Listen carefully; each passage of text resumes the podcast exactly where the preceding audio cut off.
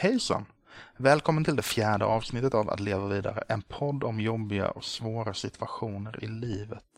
Idag träffar vi min vän Robin som pratar om ett tidigare beroende. Vi svävar lite ifrån ämnet och snackar bland annat konserter. Eh, men det blir, ju lätt så när man pratar med kompisar. Eh, men hur känns det egentligen när polisen kommer till ditt arbete och vill ta med dig därifrån? Det är en av frågorna som ställs idag. Vi, vi kan väl ta och lyssna.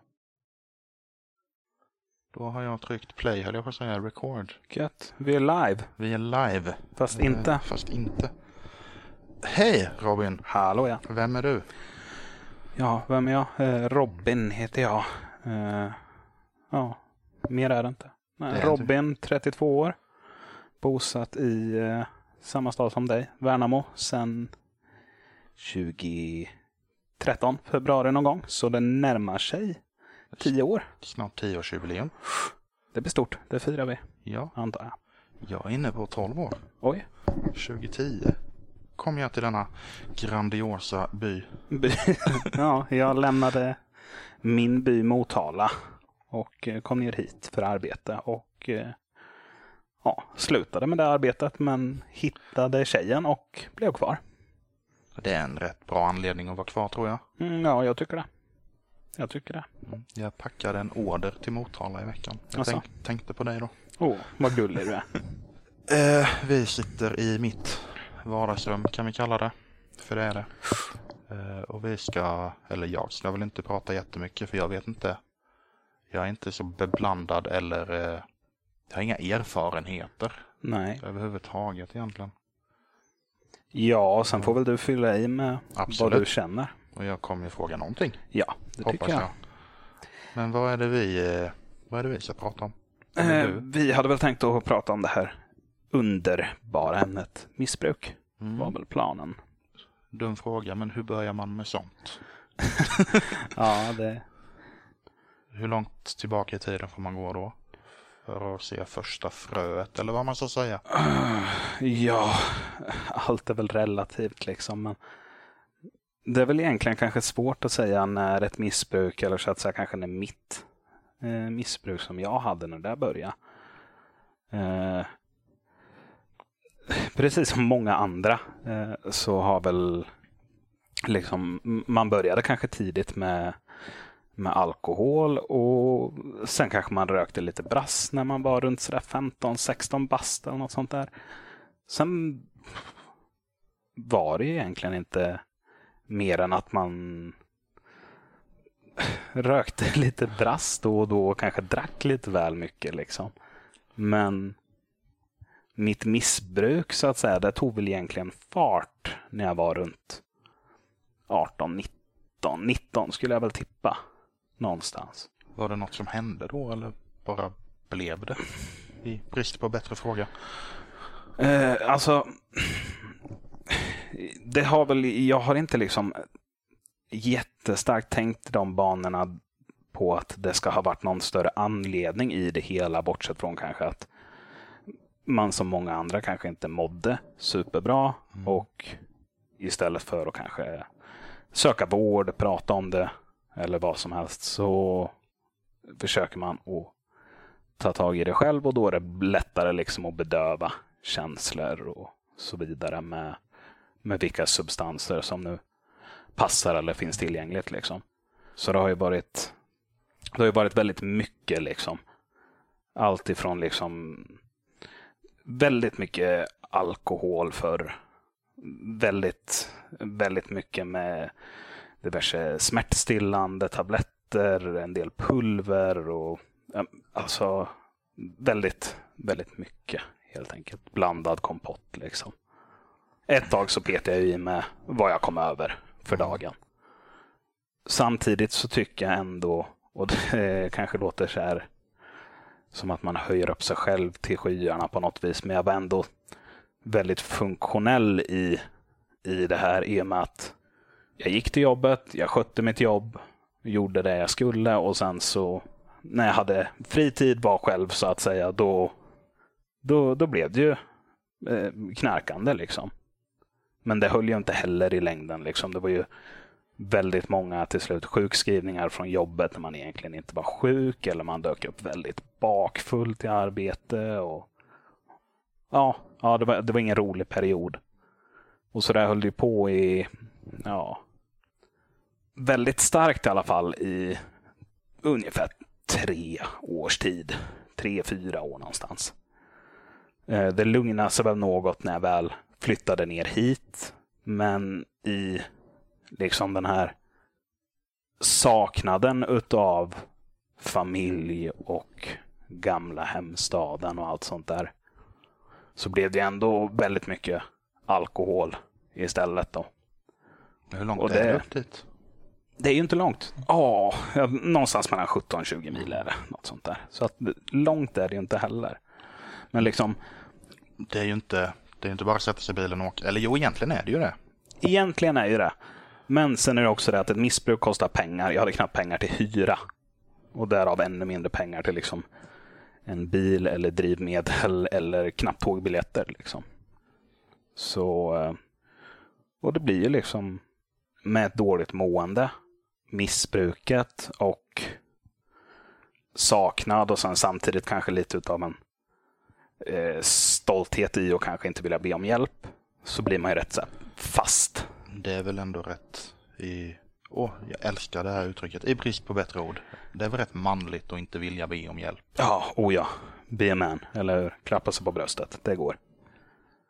Men var det här före eller efter du träffade nuvarande flickvän? Eh, det här var ju, alltså, eh, missbruket eh, som så hade väl lugnat sig något. Eller, jag drack ju fortfarande rätt så kraftigt. Eh, men eh, det lugnade sig ju även med drickandet när jag träffade henne. Så att säga. Då eh, var det inte en massa drickande sex dagar i veckan. Liksom. Utan nej, det, det blev ju väldigt mycket lugnare. Hon hon fick ju ner mig på, på jorden så att säga och har ju verkligen hjälpt mig att bygga upp mig själv från, från grund igen. Och även om jag liksom alltid har haft familjen i ryggen och jag vet ju om att jag har ju alltid haft dem där. Så har det ju samtidigt känts som att man har inte heller velat belasta dem i och med att jag har ju under den här tiden vet jag ju själv om också att jag har inte varit den lättaste att ha att göra med heller. Det är återigen det där att jag ska klara det själv. Mm. Jag ska inte be om hjälp. Ja, ja, men lite så. Det är det ju. Nej, jag känner ju din, eh, din tjej. Hon, Mm. hon är grym. Ja, ja helt, helt fantastisk. Så det har ju behövts att någon liksom har satt ner foten och ja, fått den på, på rätt bana igen. Och jag kunde ju egentligen inte vara gladare än, än vad jag är just nu. Det har ju aldrig liksom, livet har ju aldrig sett så här, så här bra ut som det gör för mig just nu. Så jag är ju verkligen på toppen. Men sen har ju, alltså alla har ju sina dalar. Man mår bättre ibland och man mår sämre ibland, men Eh, idag behöver jag inte bedöva det på det här viset. Och visst, jag, tar ju, jag kan ju ta en öl som, som vem som helst. Idag med. Jag drack en öl senast igår. Och jag drack bara en öl. Jag tog en, någon, någon IPA jag hade köpt på bolaget. Satt och kollade TV och sen käkade, borstade tänderna och gick och la mig liksom. Det går liksom aldrig längre. Nej, nej. Det är väl klart. Vad fan. En fest är en fest. Jag kan ju supa till det och man kan bli full och allt sånt där. Liksom. Men jag har inte det här problemet med att jag eh, behöver inte sitta och supa mig redlös en tisdag för att bedöva någonting eller för att ja, det här är vad jag gör. Så att säga. Nej, för jag kommer ihåg när min mamma gick bort då. Mm. Då var ju ni väldigt mycket där för mig, både du och din tjej. Absolut. Jag vet ju hur mycket det hjälpte mig, även Mm. fall jag kanske inte var den som tackade då. Eh, Men jag bara försöker sätta mig in i att eh, om hon var lika hjälpsam mot dig som ni då var mot mig. Oh ja, jag, eh, jag kan inte tacka henne nog. Hon, hon är ju min klippa. Klyschigt nog att säga. Men Klyschor finns av en anledning, tänker Jo, jag. jo. Nej, så det, det är väl lite där vi står just nu. Vi har eh, gått nerifrån och uppåt och nu är vi här uppe och, och jag, är, jag är jätteglad. Jag har ett jobb som jag eh, ja, tycker att jag trivs med. Jag har en sambo som jag älskar otroligt mycket. Eh, jag har vänner runt omkring mig. Även om jag har bott här nere i tio år så känns ju fortfarande Värnamo kanske inte som Eh, jag känner mig inte fullt hemma här nere. Och det tror jag aldrig riktigt att jag kommer att göra heller. Jag saknar ju fortfarande Motala extremt väldigt, väldigt mycket. Men jag tror också det kan vara på grund av mycket på grund av det här liksom försakad tid med familjen. Med till exempel min mamma, lillebror, pappa, även ifall han nu inte bor kvar i Motala. Men eh, också det att det faktumet att jag har fått två stycken under den tiden jag har bott här. Så har jag fått två stycken brorsöner som jag liksom går i döden för. Och de saknar jag ju varje dag. Så eh, ja, men man, man vet ju aldrig vart, vart det för en. Jag kanske kommer närmare hem en vacker dag. Men just nu är jag här nere och det funkar liksom. Ja, jag har bott här i 12 år. Det Värnamo är inte mitt hem, även om jag bor här. Nej, det behöver liksom inte vara ens hem bara för att man hänger sin hatt här. Nej, bara man, bara man kan sova tryggt om natten, eller vad säga. Mm. Uh, vad tänker jag mer? Det kändes lite kort. Ja, det, är väldigt, det är väldigt kort än så länge. Klipp till bättre. Bodde du hemma när det hela började eller hade du fått egen lägenhet och flyttat hemifrån? Eh, grejen var den alltså. Jag kanske gick ifrån liksom och ha ett... Eh, jag är fortfarande ytterst liberal när det kommer till om man nu vill eh, om man vill röka lite gräs eller sådär. Jag kunde liksom inte bry mig mindre. Jag ser inte problemet i det överhuvudtaget. Men det gick väl ifrån liksom. Jag bodde ju fortfarande hemma och rökte väldigt, väldigt dagligen och väldigt mycket och sådär liksom. Eh, sen blev det väldigt mycket med att eh, jag vet inte. Under den tiden hade jag väldigt långa dreads. Och en kille som går runt och röker gräs och, och har långa dreads liksom. Det drar väl blickar och folk vet. Jag kommer ihåg dreadsen. Ja, de eh, försvann ju först för, vad är det, sex år sedan? Fem? Något sånt. 2017 tror jag jag kapade dem. Ja, det var inte länge sedan. Nej, det var inte länge sedan. Det är bara 2022 nu. Ja. Nej, men som sagt, och eh, det satte väl även mig i, i blick hos, eh, hos polisen. Så det var ju väldigt, väldigt många pissprov och väldigt många så ringa narkotikabrott och man fick betala böter till höger och vänster. Eh, I en veva där 2018, eller 2018, 2008, 2009 någon gång så tog jag och några vänner en bil och tänkte att vi sticker till, till Amsterdam. För där är det kul. Så då åkte vi dit och stannade där nere i kanske så fyra, fem dagar och något sånt där och rökte brass och, och tog det lugnt och bara, bara titta på stället. Och det var ju skithärligt och då sa jag det för mig själv att här nere ska jag bo någon gång. Och sen sagt och gjort liksom kanske ett halvår senare eller något, så stod jag ju med en flygbiljett i hand på Skavsta flygplats och flyttade ner dit. Jag har hört dig nämna någon gång att du bodde utomlands. Mm. Och det var ju mycket liksom i det att, för där har jag ju åtminstone liksom mycket lättare att få, också få tag i, i tyngre droger på ett smidigare vis, men också det med att röka är lagligt där nere. Så då får jag vara i fred och slippa betala böter till höger och vänster liksom för fjantiga ringa narkotikabrott som jag tyckte. Och där nere var jag väl i jag vet inte, bara ett, ett och ett halvt år eller något sånt där. Men jag kände ju det också att jag flyttade ju inte dit för att liksom bosätta mig utan det var väl en kul bit. Och, och jag hade ju jävligt trevligt där nere. Jag hade ju till och med flickvän där nere. och Jag bodde, fan var det, fem, sex mil norr om Amsterdam har jag för mig, uppe i Nordholland. I en liten håla som hette Hirhuchovard.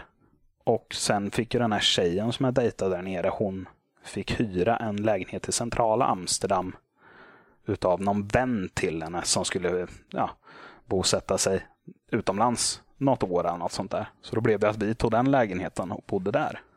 Och då arbetade jag som personlig assistent och sen typ ja, man drog in lite extra svarta pengar på kanske på något litet lager eller sådär. Liksom. Så man, man hankrade sig fram. Men som sagt, jag kände ju till slut att nej, jag, jag saknar hem. Mm. Och hem? Ja, och, och lämnade det bakom mig. Och jag är glad över att jag flyttade hem också. För visst, jag hade det väldigt härligt där nere så, men jag visste ju från början egentligen att jag ska väl inte vara här för evigt. Jag tror det gynnar många yngre i mellan 18 och 20 års åldern att flytta utomlands oavsett om det nu är till eh, Kanada, Australien eller Holland eller vart nu vill. Det är vettigt att sticka utomlands något år och, och testa på det. Sen blev det hem till Motala. Ja, och efter det så fick jag kanske gå arbetslös i halvåret eller något sånt där. Jag flyttade ju mitt efter min student så var det, det var en väldigt lågkonjunktur. Jobb fanns knappt. Jag fick inga jobb. Det var 29 där va? Ja, precis. Och det var ju slutet 29 har jag för mig som jag flyttade ner dit. Eh, men det var väl kanske inte fortfarande superlätt att hitta arbete när jag kom hem. Men jag fick ju ett eh, telefonförsäljningsgig och började, började med det. Och det, det funkade ju liksom. Det, det gick bra och då lyckades jag ju fixa ett eget boende.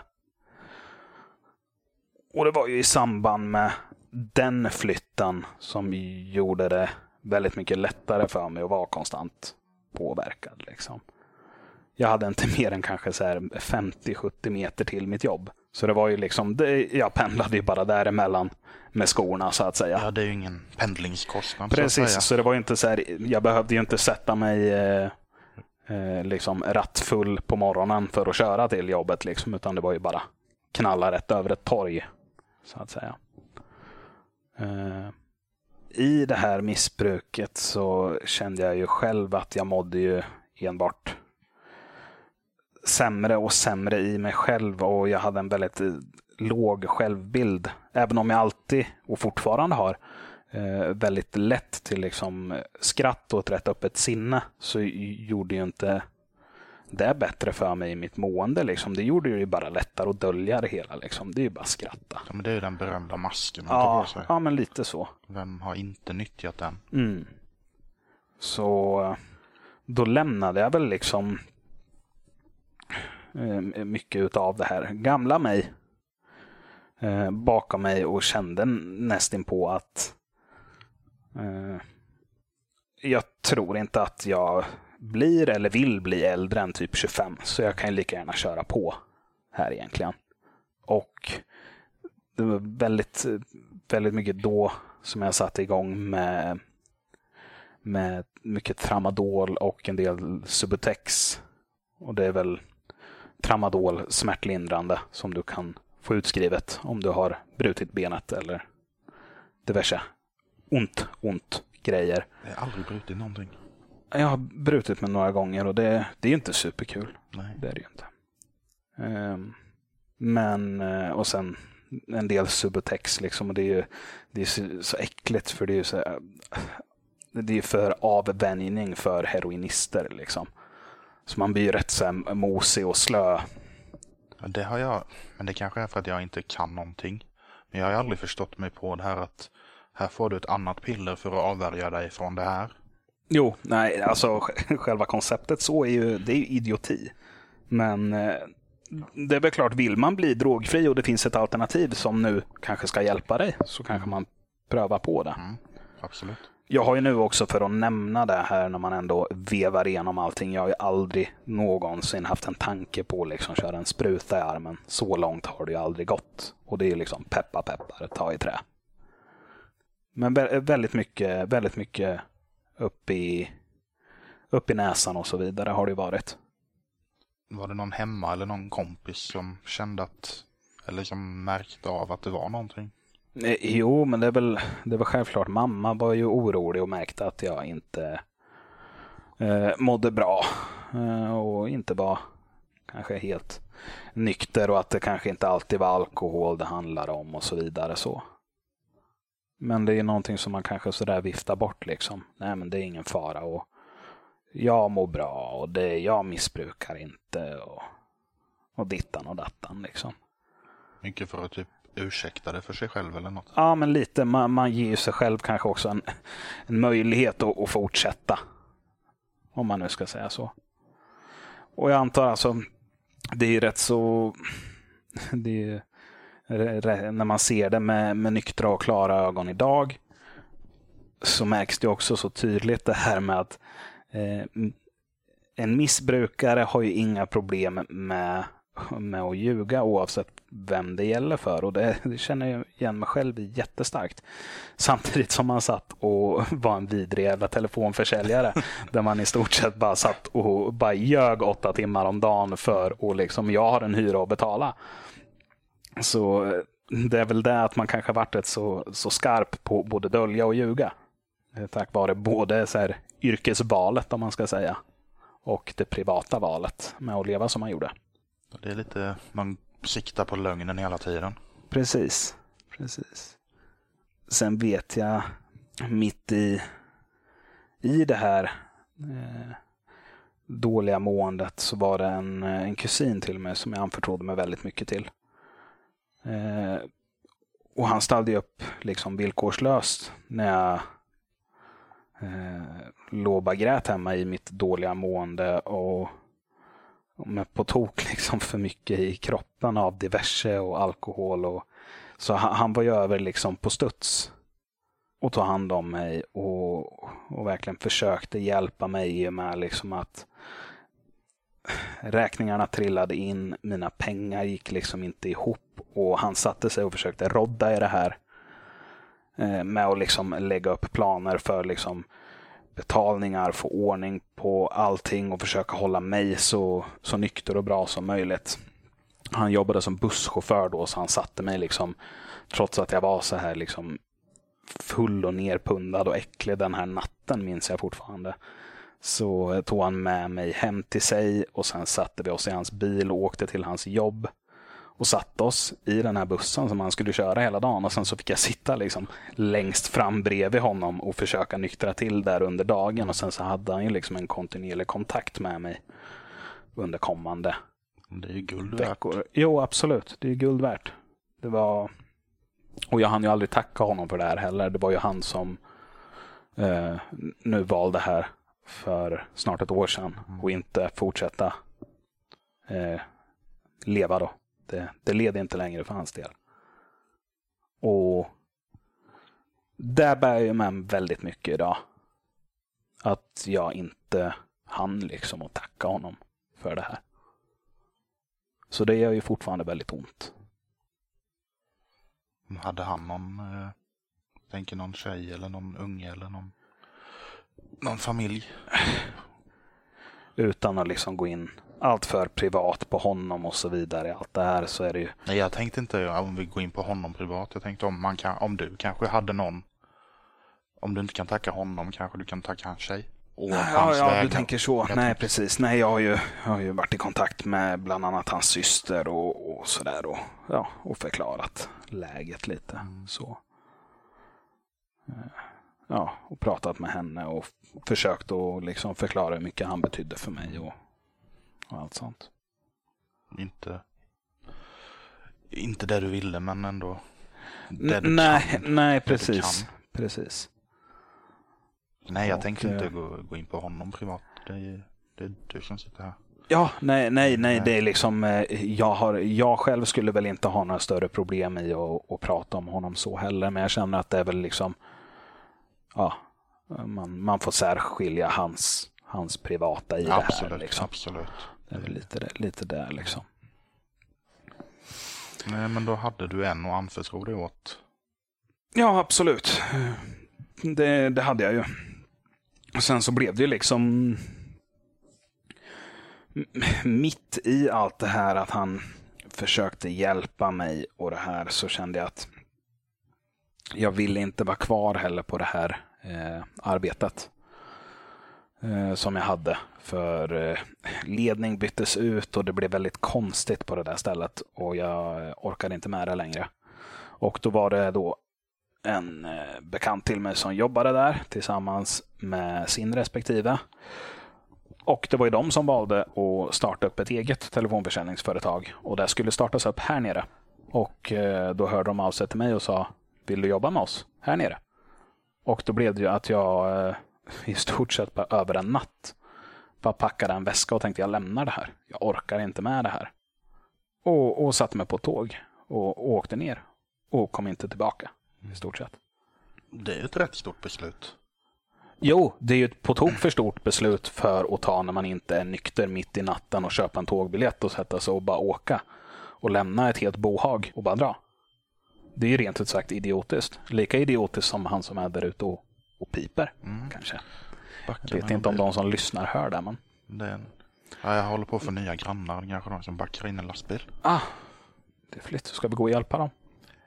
Nej, Nej, inte, det vill inte jag heller. men om det, om den här manicken fångar upp något ljud som låter konstigt så kan det vara att de bygger en bokhylla eller något. Ja, Eller välter en bokhylla. Men jag har inte hört något än. Nej, men du packade en väska och tog dig neråt landet. ja ner till eh, Värnamo eh, och vidare ut till Forsheda. Åh, Forsheda. Alla underbart hemska minnen ifrån Forsheda. Nej, men skämt åsido. Det är liksom... Där bodde jag i Forsheda i ett och ett halvt år ungefär. Och jag känner att det är ett och ett halvt år av mitt liv som jag inte får tillbaka. det var inte så superkul. Inte där du ville bo kanske? Nej, nej. Inget ont väl- om Forsheda. Jag känner folk som bor i Forsheda. Jo, jo, man får väl, man får väl jättegärna bo där ute om man vill, men det, jag tycker synd om er. Eh, eh, sen efter ett och ett halvt år så flyttade jag bort, eller bort in till, eh, till Värnamo. Och fortsatt med det här andra telefonförsäljningsjobbet. Då. Så bodde jag här borta vid, vid Chaplin. Och det var ju i samma veva där som jag träffade, träffade tjejen. Och vi blev ett par där. Vi började väl träffas 2014, 15 någonstans. Och det var väl genom henne som jag lärde känna dig också. Om jag vill eh, minnas rätt. Nej, och sen har vi levt lyckliga alla våra dagar.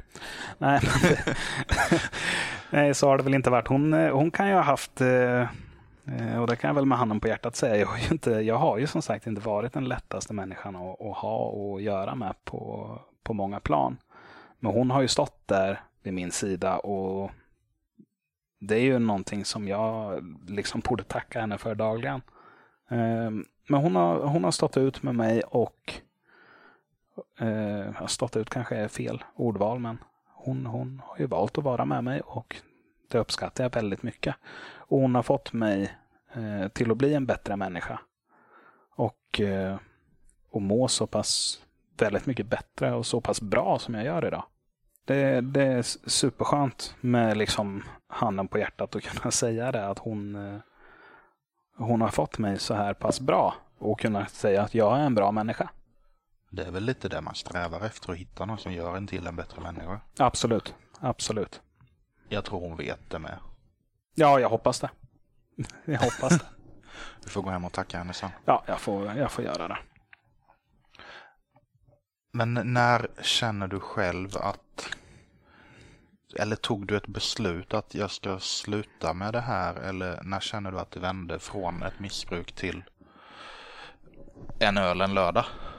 Har du någon sån punkt? Alltså, eh, det, det blev ju ändå väldigt mycket när jag väl eh, flyttade ner eh, hit. Så eh, fortsatte ju som sagt eh, drickandet. Inte supermycket, eh, när jag bodde ute i Forsheda där. Däremot i Värnamo när jag väl flyttade in så blev det väldigt, väldigt tungt på flaskan så ändå. Och sen träffade jag ju tjejen där 2014-15. Och det, det blev väldigt mycket liksom mycket festande.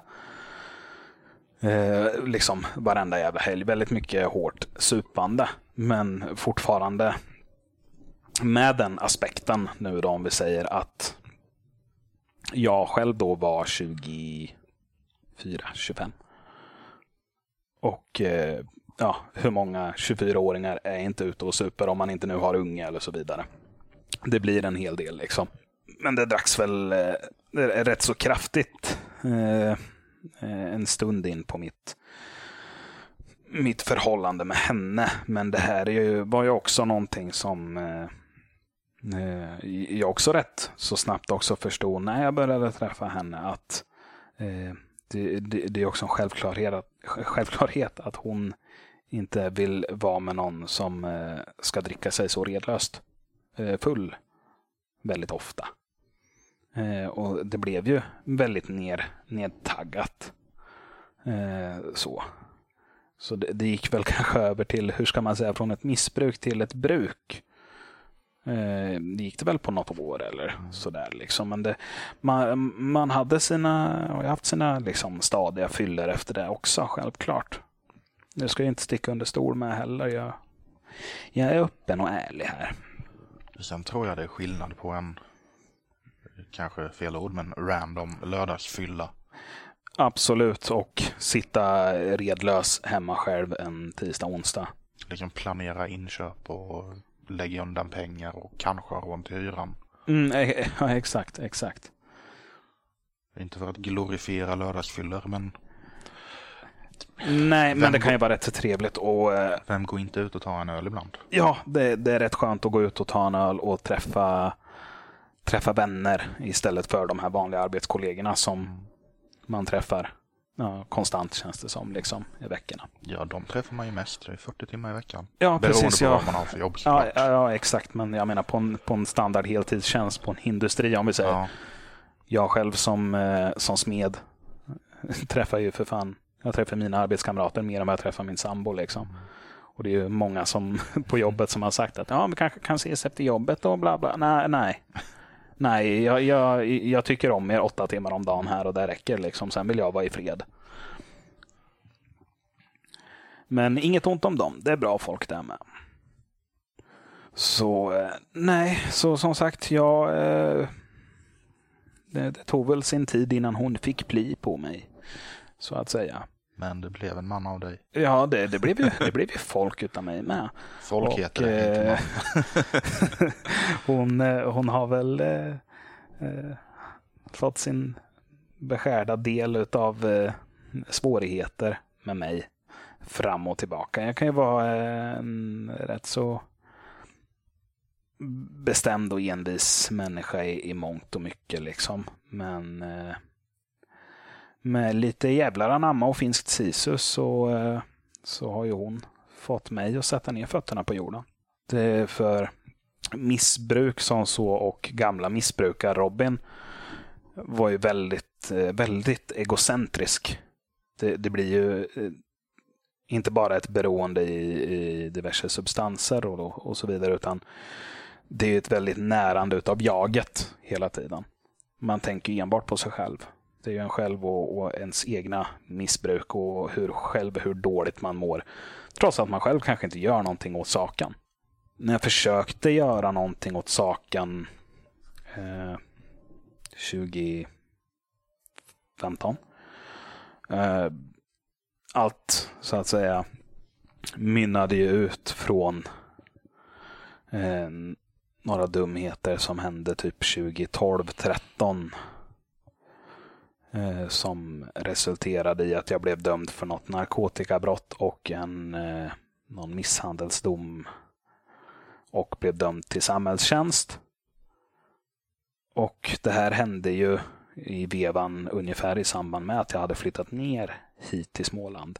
Men det hade hänt hemma i Motala. Men det vart ju inte någon rättegångssak utav det här förrän kanske efter ett år. Och då blev jag dömd till samhällstjänst x antal timmar. Jag kommer inte ihåg hur länge det var. Eh, och jag tänkte att ja, men det här tar jag tag i, det är inga konstigheter. Eh, och eh, började göra av de här timmarna på ett eh, äldreboende här i stan. Vad är det det heter? Där uppe vid Willys. Linneberg. Tror jag det heter. Eh, och tänkte att ja, men, eh, jag, jag bränner av den tiden här och det höll ju typ eh, i och med att jag hade ett heltidsjobb så tänkte jag att då tar jag det här på helgerna istället. Och så gör jag heldagar på helgerna, lördag, söndag. Och det höll ju typ två veckor. Och sen bara sket jag i det.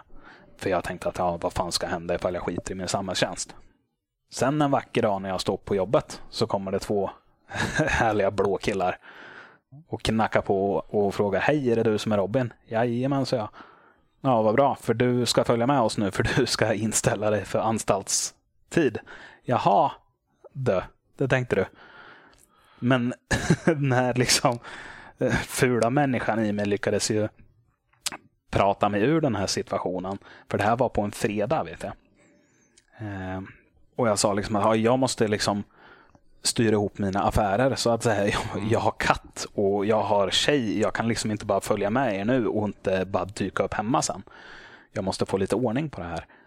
Eh, och då var de här poliserna så pass schyssta så de sa liksom att men du, om du eh, du gör som så att du får ordning på det här så får du över helgen på dig. Men på söndag eh, senast klockan typ så här 15-16 så måste du ha inställt dig eh, på eh, polisstationen i Jönköping. För annars kommer vi att lysa dig och göra dig efterlyst. Så jag liksom, ja, ja, tack så jättemycket. Sen blev det ju inte mer än hem. Och har ångest hela dagen och säger ingenting till henne heller. Förrän senare på kvällen. Och hon förstår läget och eh, ja, sen på söndagen så åker vi upp till, till Jönköping och jag säger hej då till henne och sen en vän som har kört bilen. Och säger liksom att ja, vi, vi hörs av när jag kommer ut. Och det var ju liksom, straffet var inte superlångt. Det var ju en kaffevolta. Det var ju, jag var inte borta mer än typ en, en och en halv månad eller vad fan det var. Så då fick jag ju sitta häktad i Jönköping i två dygn, två, tre dygn. Och sen så blev det ju, eh, de var ju tvungna att leta runt bland anstalter som var lediga. Så då skickade de mig till, till Vänersborg. Och det är ju i botten på Vänern liksom. Så de skickade mig från Jönköping och upp dit. Så fick jag sitta på någon anstalt där. Och det har jag väl inga, inga klagomål på. Eh, så att säga i och med att jag misskötte min samhällstjänst och då får man ja, då får, får, jag, då får jag ju stå det kastet liksom. Eh, och eh, jag ska inte heller klaga på svensk kriminalvård. Eh, ja, händerna upp i taket. Jönköpings, eh, Jönköpings eh, häkte. Sveriges godaste falafel. Ingen snack om saken. Svinbra falafel. Har ni chansen, bli häktade, ta falafeln i Jönköping. Inga konstigheter. Eh, och sen själva liksom den här tiden i Vänersborg var ju liksom... Det, det, det var inte så jävla farligt. Eh, sen när jag väl kom ut därifrån det var väl kanske då som det började liksom vända lite för mig också. För, eh, ja, skämt åsido hur pass lätt nu inom situationstecken en eh, kortare liten snabbis på en anstalt kan vara i Sverige så är det ju inte så här att rekommendera. Det är inte svinroligt heller. Nej, och en och en halv månad. Du hade ju kunnat leva ditt liv i en och en halv månad. Ja, ja, ja för fan. Det var som när, när jag, men ändå när, när jag ringde upp till tjejen därifrån, när jag hade varit och köpt något sånt där telefonkort och ringde upp till henne från anstalten. Så var det ju att hon nästan så här, satte kaffet i halsen. Och hon sa, ah, hej, hur är det, hur har du det? Nej, jag har det rätt bra, jag har målat en tavla idag. Det är liksom, men, ja, lite så. Men det, det, det, är ju inte att föredra. Det, är det ju inte. Jag, jag hade jättegärna fått det ogjort idag. Men sen så har det väl stärkt mig också. Eh, på det viset. Nu vet jag ju att det, då har jag testat på det och då gör vi inte det igen. För det var inte jättekul. Nej, du gör hellre något annat. Ja, precis. Den en och en halv månaden hade jag ju hellre liksom spenderat med henne och vänner och gått till jobbet.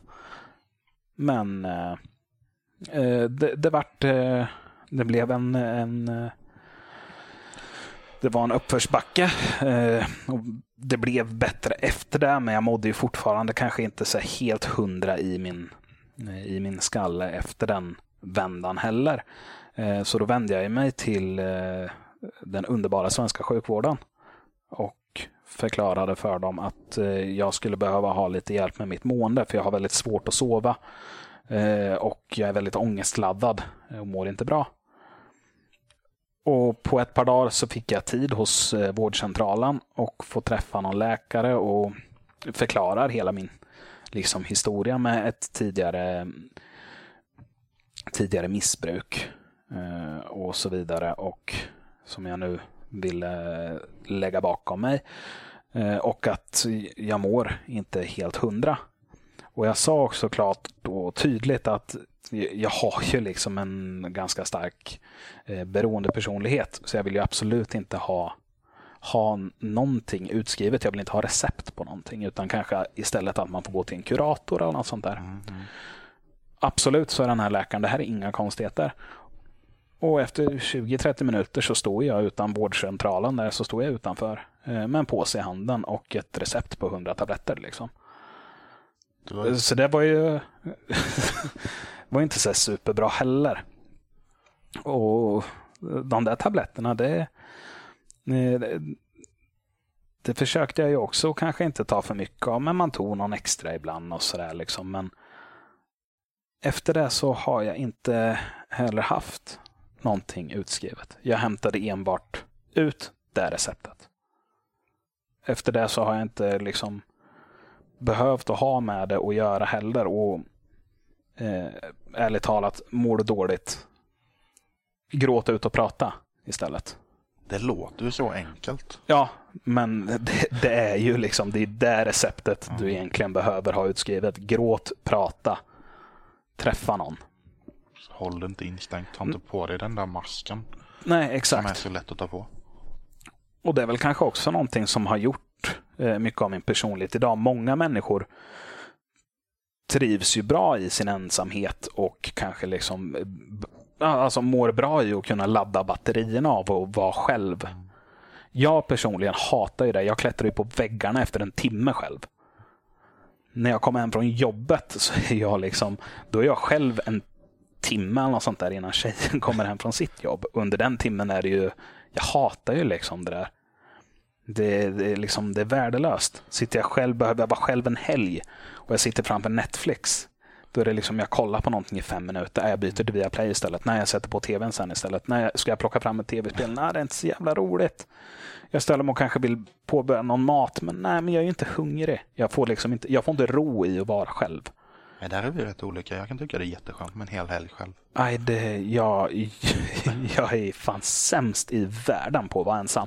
Men å andra sidan, nu har vi haft covid i två år där man typ har blivit tvingad att vara själv så nu vill jag inte heller vara själv. Nej, nej absolut. Det, då hungrar man ju efter det. Speciellt eh, för dig som bachelor, så att Ja, säga. precis. Liksom, även om, om du har din egen tid efter arbete år ut och år in så kommer coronan på det här och man verkligen man kan inte ens få gå ut och käka med vänner eller sådär. Det, Jag brukar du snitta en konsert i månaden. Ja, precis. Det var där, ett tag tänkte jag det att ja, men Tomman han, eh, han köper inte mat utan han, eh, ja, han lever på konsert. Liksom. Och sen nu under covid, ja men det blev fyra konserter på två år bara. Mm.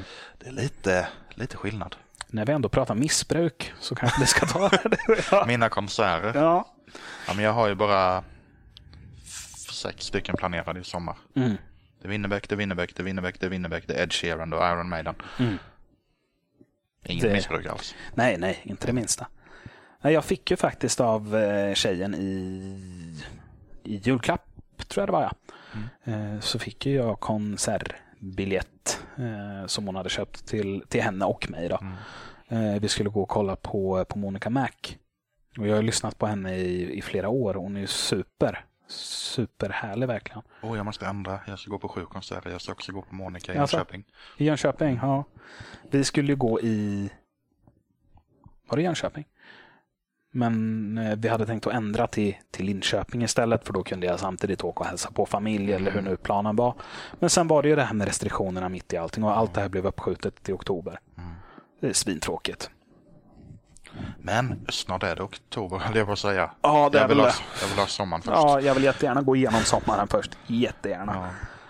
Vi måste till 90-talsfestivalen i år igen. Ja, Eller absolut. ni ska ju dit, men jag måste hänga med. Ja, jag. absolut. För du var med för, är det två år sedan? Före covid, Alltså, Pre-covid alltså. 2019. Ja, det är så länge sedan. Det är ja. så länge sedan. Då var jag med. Och du var på storbilds-tv. Ja. Mm, och alla gillade din Jägermeister-duk på huvudet. ja, det bästa var ju han som kom fram till mig. Han var lite påverkad av alkohol och han sa det. Jag har sett dig på tvn. Vem är du? Är du känd? Om du bara visste hur känd jag är, gubben. Nej, nej men det, det är roligt och det ska bli av. Senaste nu två åren har det ju inte varit eh, någon konsert. Eller någon, något 90-tal, men vi har ju likt förbaskat åkt till Helsingborg och liksom ja, turat båten till, till Danmark, även om vi inte har fått kliva av. Så, och varit på stan och hängt och gått på lite barer och varit ute och käkat. Liksom. Så det har ju varit kul ändå att ta ett litet avbrott och åka ner dit. Men eh, det ska bli skitroligt att, att det blir av nu. På riktigt. Ja, på riktigt ja.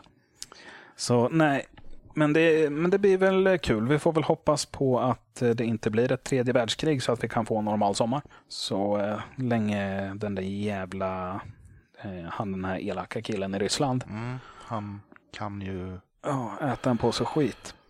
Milt sagt. kanske två. Eh, nej, så en restriktionsfri sommar och, eh, och ett gott liv. Det hade Det varit är, skönt. väl, det är väl allt jag önskar just nu. Ja. Eh, Jag har en sån här avslutande fråga. Mm. Eller avslut och avslut. Jag har en fråga. Ja, ställ den. Fast du har redan svarat på den. Mhm. Men vi tar den ändå. Mm. Eh, om det är någon som lyssnar på det här som eh, känner att "Ja, det är ju missbruk jag håller på med. Hur, hur kom jag härifrån? Vad hade du gett för råd? Det är väl svårt samtidigt. Eh, Men den stora frågan i det är väl kanske inte hur jag tar mig härifrån. Frågan är ju vill du ta dig ur det här? För har du ingen, har du ingen vilja i någonting du ska göra så, så kommer du inte göra det helhjärtat. Så först och främst så måste du söka din vilja. Har du vilja så har du möjlighet att ta det vidare. Det är väl det är mitt svar blir på det antar jag. Även om det är lite ovisst.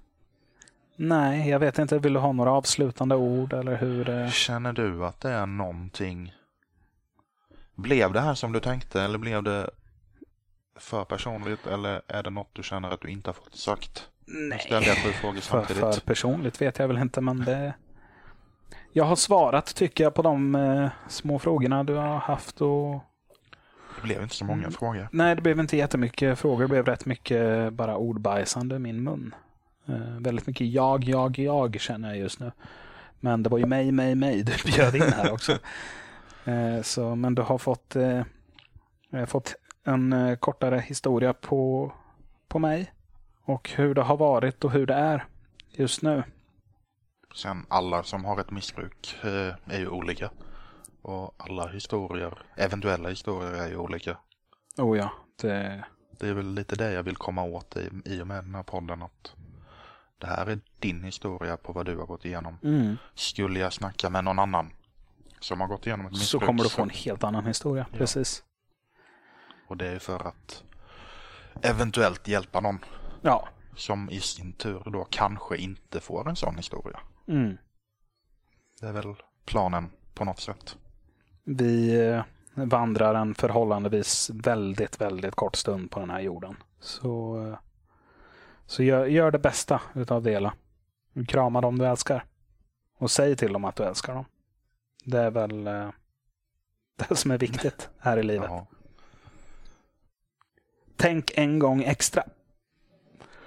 Tack för att du kom hit Robin. Tack för att jag fick vara här. Ta hand om dig.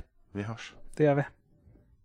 Och där var fjärde avsnittet klart. Eh, Just nu har jag ett avsnitt kvar att dela med mig av. Eh, Har du några tankar eller frågor om dagens avsnitt? Eller om du kanske har en egen erfarenhet du tror kan göra gott för någon annan och vill vara med i ett avsnitt så tveka inte på att höra av dig. Antingen på mail till kontakt attlevavidare.se eller att leva vidare på antingen Instagram eller Facebook. Och som de trogna lyssnarna vet är jag mest aktiv på Instagram och mejlen. Vi hörs minst en gång till. Ta hand om dig.